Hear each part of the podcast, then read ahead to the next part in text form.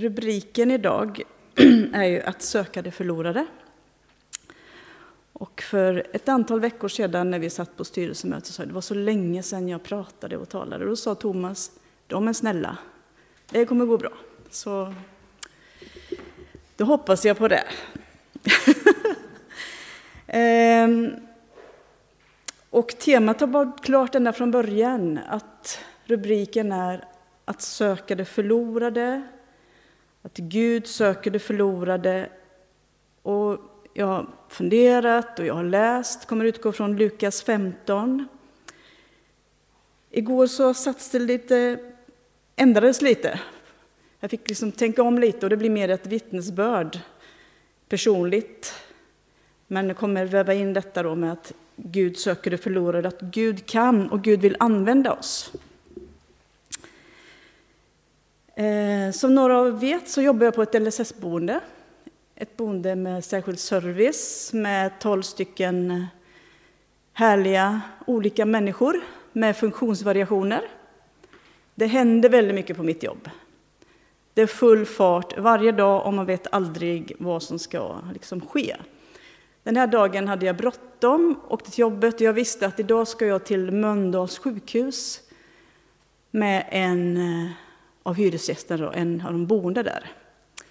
Och för er som jobbar inom omsorgen och vården så vet ni att man får ta bort ringar och klocka och sådana saker innan man börjar jobbet på grund av hygienskäl. Så jag eh, slängde av mina ringar, för jag hade bråttom, släppte ner dem i väskan och tänkte de tar jag på mig sen ikväll. Först några dagar senare så upptäcker jag ju att ah, den är borta, den ringen. Båda ringarna var borta, jag hade ingen ring. Och jag börjar leta i min handväska, vände upp och ner på den, hittade en ring. Okej, vad kan den vara? Vände upp och ner på hallen där hemma, engagera familjen att söka. Jag hittade inte ringen. Och då tänkte jag, det här får bara inte hända. Ringen får inte komma bort. Den måste komma tillbaka, det går inte. Så gör vi som vi så många gånger gör hemma. En rutin, och det är jag uppvuxen med sedan jag gick på internat i Tanzania. Vi hade alltid andakt på kvällarna och så bad vi. Och det var det vardagliga. Man bad för saker som kommit bort, någon hade slagit i sin tå och det ena med det andra. Så det har jag alltid haft med mig, vi ber.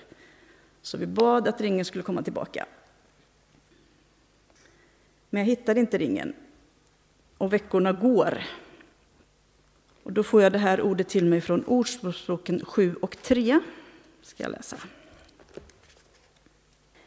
Degen prövar silvret och ugnen guldet.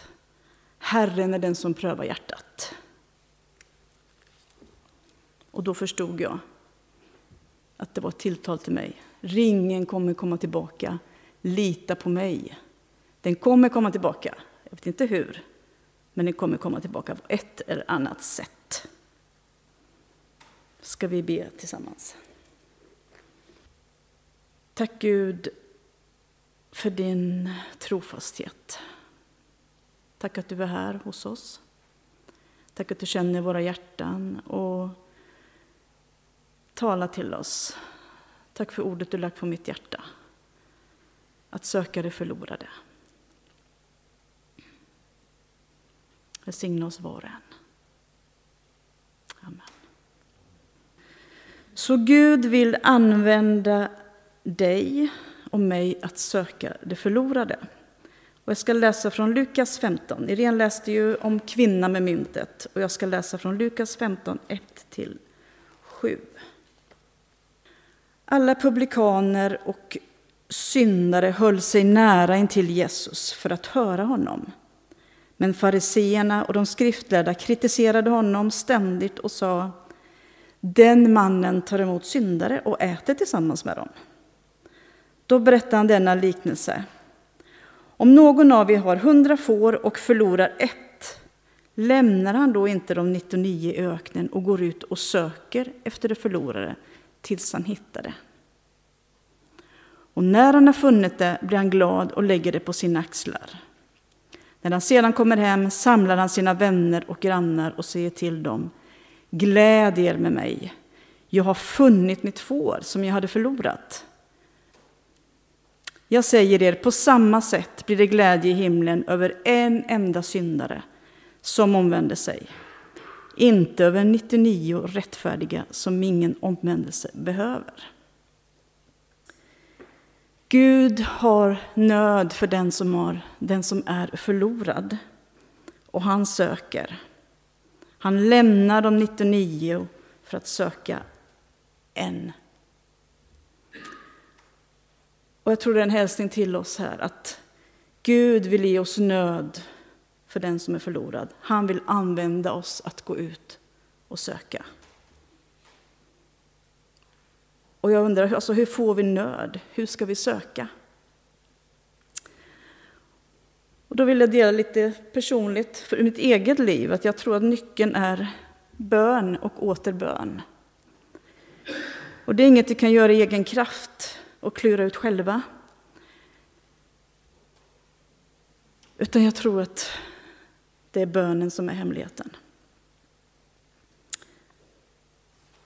För 15-20 år sedan, något sånt, så var jag i en period där min tro sattes på prov.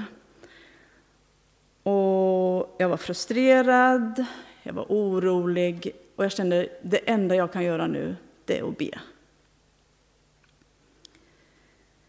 Så började jag be efter ett bönemönster och tänkte att nu ska jag göra det här varje dag.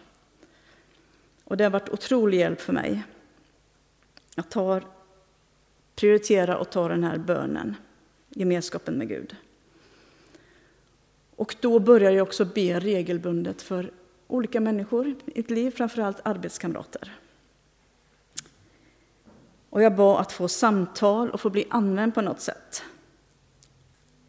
Så för fem år sedan då, så blev en arbetskamrat till mig sjuk. Maud heter hon.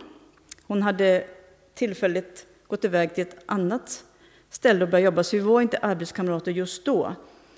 Men jag fick höra att hon hade fått cancer i magen och vi hade tappat lite kontakten så jag hörde av mig till henne, smsa och jag tänker på dig och jag ber för dig.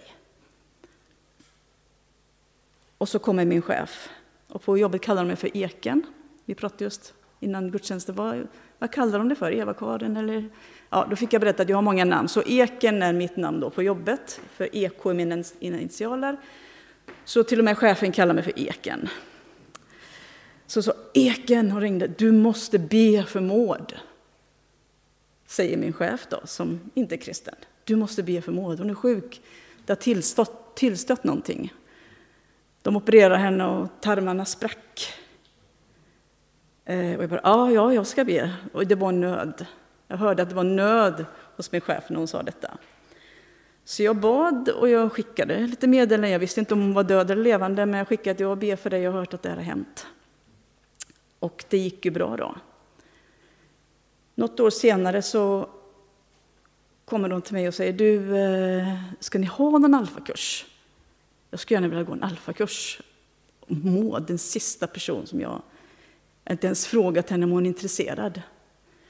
Ja, visst. Så då en av första, den första alfakursen vi hade här då, så kom ju Maud. Och då berättar hon där att ja, det var Eva-Karins böner alltså, som räddade mig. Och jag fick möta Jesus och jag tog emot honom. Jag hade ju bara bett och inte hade jag någon aning om vad som hade hänt i hennes liv. Jag blev lite chockad. Men bönen, säkert andras böner också, hade verkat. Och jag är övertygad om att du har människor som du tänker på, som du ber för. Så min uppmuntran är att fortsätt be. Ge inte upp. Be om tillfället att det ska öppna sig. Att få berätta någonting, säga någonting. Häromdagen gick jag in på, jag är med i några grupper på Facebook, bland annat en i Tanzania. I det område där jag växte upp då, och då kom det upp en liten bild, jag vet inte om ni ser. En, det står ”Han är borta”, står det. Och på beskrivningen står det så här. Josia är borta. Han försvann häromdagen. Och vi kan inte hitta honom. Han har en grön tröja. Och på ena tån så har nageln försvunnit. Snälla, hör av er. Han kan inte prata riktigt heller, men snälla hör av er. Och så står det pappans nummer här. Och det bara slog mig, vilken nöd när, man, när någon är borta, som kanske är förlorad. Jag ber och hoppas att de hittar honom.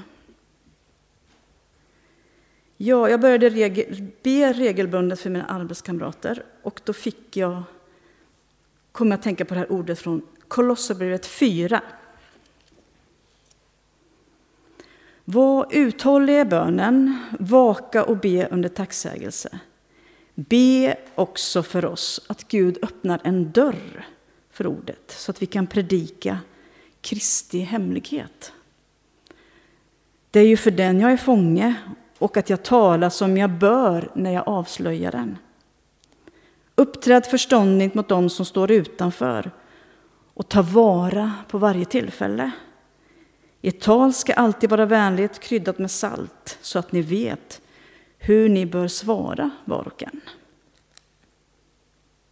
Så det, just den meningen har jag haft med mig när jag ber för mina arbetskamrater och när jag åker till jobbet. Gode Gud, öppna en dörr idag för ordet.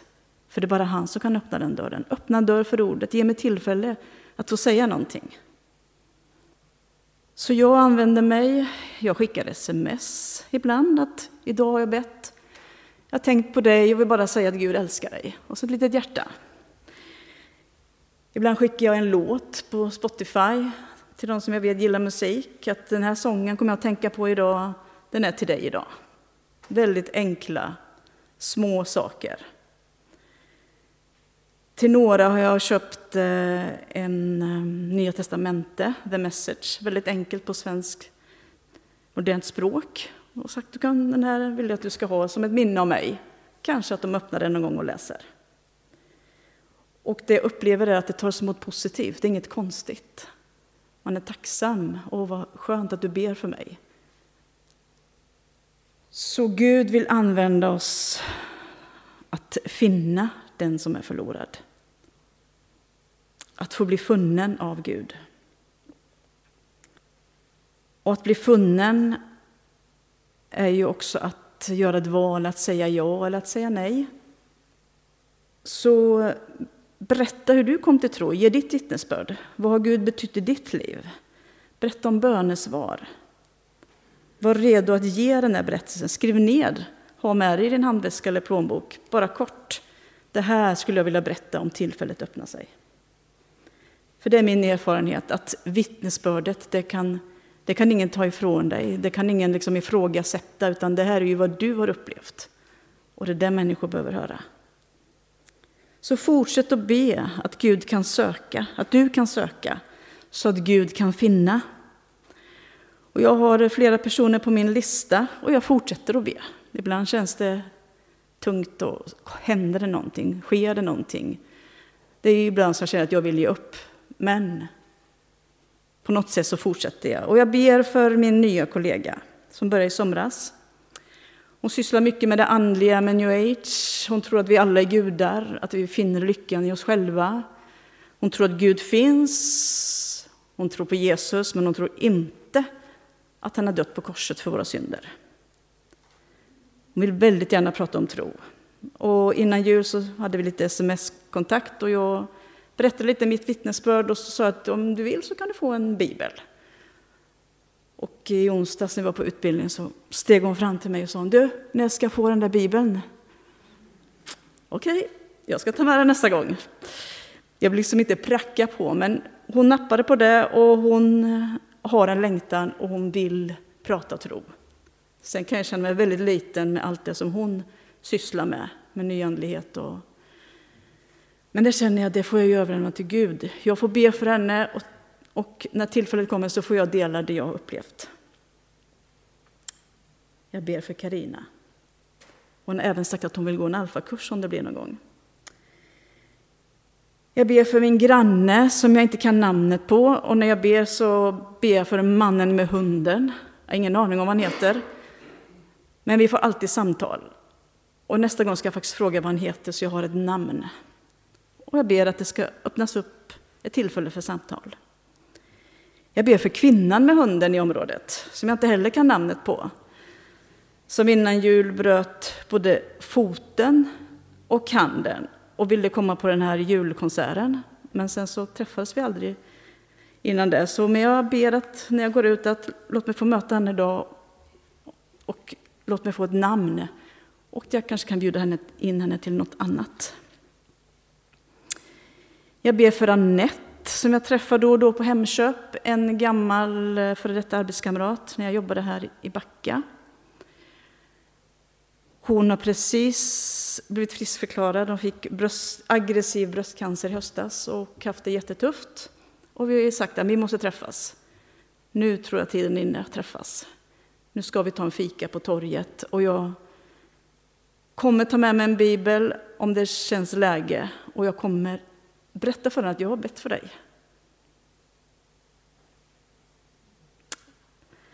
Och jag ber för Ulla-Britt, min nya granne, som faktiskt är en före detta chef när jag jobbade med Anette. Hon är pensionär och precis blivit änka. Eh, hon såg mig här för, ja, innan jul och sa, känner du igen mig? Ja, du är ju min gamla chef. Ja, kan vi inte ta en kaffe någon gång och prata gamla minnen? Och när jag gick idag så precis när jag gick förbi så drog hon upp persiennen och så vinkade hon till mig. Och då tänkte jag, ja, jag fattar vinken. Jag ska knacka på och boka det där kaffet. Vi ska träffas. För hur ska de bli funna om inte någon söker?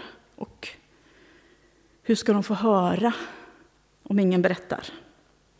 Gud vill använda oss i vår litenhet, i vår bräcklighet. Så vill han använda oss, och han kan använda oss. Om vi överlåter det till honom, ber för våra vänner, ber för de som är där ute, som inte har lärt känna, som kanske kommit vilse. Ge inte upp. Så gick det då med den där ringen. Kanske ni vill veta. En annan grupp då på jobbet, det är ju flera år sedan, 2021, så skrev jag så här. Degen prövar silvret och ugnen guldet. Herren är den som prövar hjärtan. Och det här läste mina arbetskamrater då. Detta bibelord fick jag förra veckan då jag samtalade med Gud om att jag så gärna vill hitta min ring. Som kunde vara precis var som helst mellan Mölndal och Kungälv. Jag ringde till Mölndal då i den vevan och har ni hittat ringen? Har ni hittat någon ring? Nej, vi har inte hittat någon ring tror att just detta var ett tillfälle då Gud ville testa och pröva mitt hjärta och lära mig att hålla ut i bön och påminna mig om att han håller löften, att han håller att lita på. Så nu efter tre veckor är ringen tillbaka. Och saken var den att jag var på Hemköp så tänkte jag, tänk om den är här. Nej, det kan inte... Alltså då har ju någon snott den eller den kanske åkt in under. Då frågade en av eh, damerna där som packade upp, ni har möjligtvis inte hittat en ring. Ja, jag ska gå och kolla. Och så kom hon med den ringen då. Vad står det i den? sa hon. Så vet jag att i den ena står det Janne och i den andra står det Jan-Olof. Så jag sa det står antingen Janne eller Jan-Olof. Hon trodde nog att jag var lite förvirrad där. Ja, det står Jan-Olof. Och så fick jag tillbaks ringen. Den var på Hemköp. Och så skrev jag så här, och jag har lärt mig ännu en läxa om Guds trofasthet. Jag lovade honom att berätta detta för er när ringen var tillbaka, så nu har jag hållit detta löfte till honom. Och då fick jag många gilla-markeringen att den var tillbaka. Ska vi be tillsammans? Tack Gud att du alltid söker den som har kommit vilse, den som är förlorad. Och tack att du vill använda oss att söka. Tack att du vill använda oss för våra människor i vår närhet, på jobbet, i skolan, grannar. Tack att du älskar, tack att du söker, tack för en nöd. Lägg din nöd på våra hjärtan. Och ge oss tillfället att få berätta om dig och vad du har gjort för oss. Att du söker. Kom heligande, vi klarar inte det här utan dig. Vi kan inte göra det här i egen kraft. Vi är så beroende av dig och din hjälp. Amen. Ja, vi ska nu fortsätta vår gudstjänst och fira nattvard tillsammans. Och vi ska påminna oss om det absolut centrala som Gud har gjort för oss. För oss alla som har förlorade utan honom. Hade inte han utgett sin kropp och sitt blod så hade vi varit förlorade för all evighet. Jag vill läsa från Jesaja 53 och 6. Vi gick alla vilse som får, var och en gick sin egen väg. Men all vår skuld lade Herren på honom. Jag tänker att vi innan här tar en stund i stillhet och tysthet inför Gud var och en. Säg som det är. Kanske har det kommit någonting mellan dig och Gud. Kanske du behöver bekänna något för honom. Och ibland tänker jag att Gud söker den förlorade, men ibland kanske också saker har gått förlorat i vårt inre, i våra egna liv. Vi kanske har tappat något på vägen. Jag vet inte, men Gud vet. Så jag tänker att vi tar en stund här nu, var och en, inför Herren. Detta är det budskap som vi har hört från honom och som vi förkunnar för er. Att Gud är ljus och att inget mörker finns i honom. Om vi säger att vi har gemenskap med honom och vandrar i mörkret så ljuger vi och vi handlar inte efter sanningen. Men om vi vandrar i ljuset, liksom han är i ljuset, så har vi gemenskap med varandra. Och Jesus, hans sons blod, renar oss från all synd. Om vi säger att vi inte har synd bedrar vi oss själva och sanningen finns inte i oss. Men om vi bekänner våra synder är han trofast och rättfärdig så att han förlåter oss våra synder och renar oss från all orättfärdighet.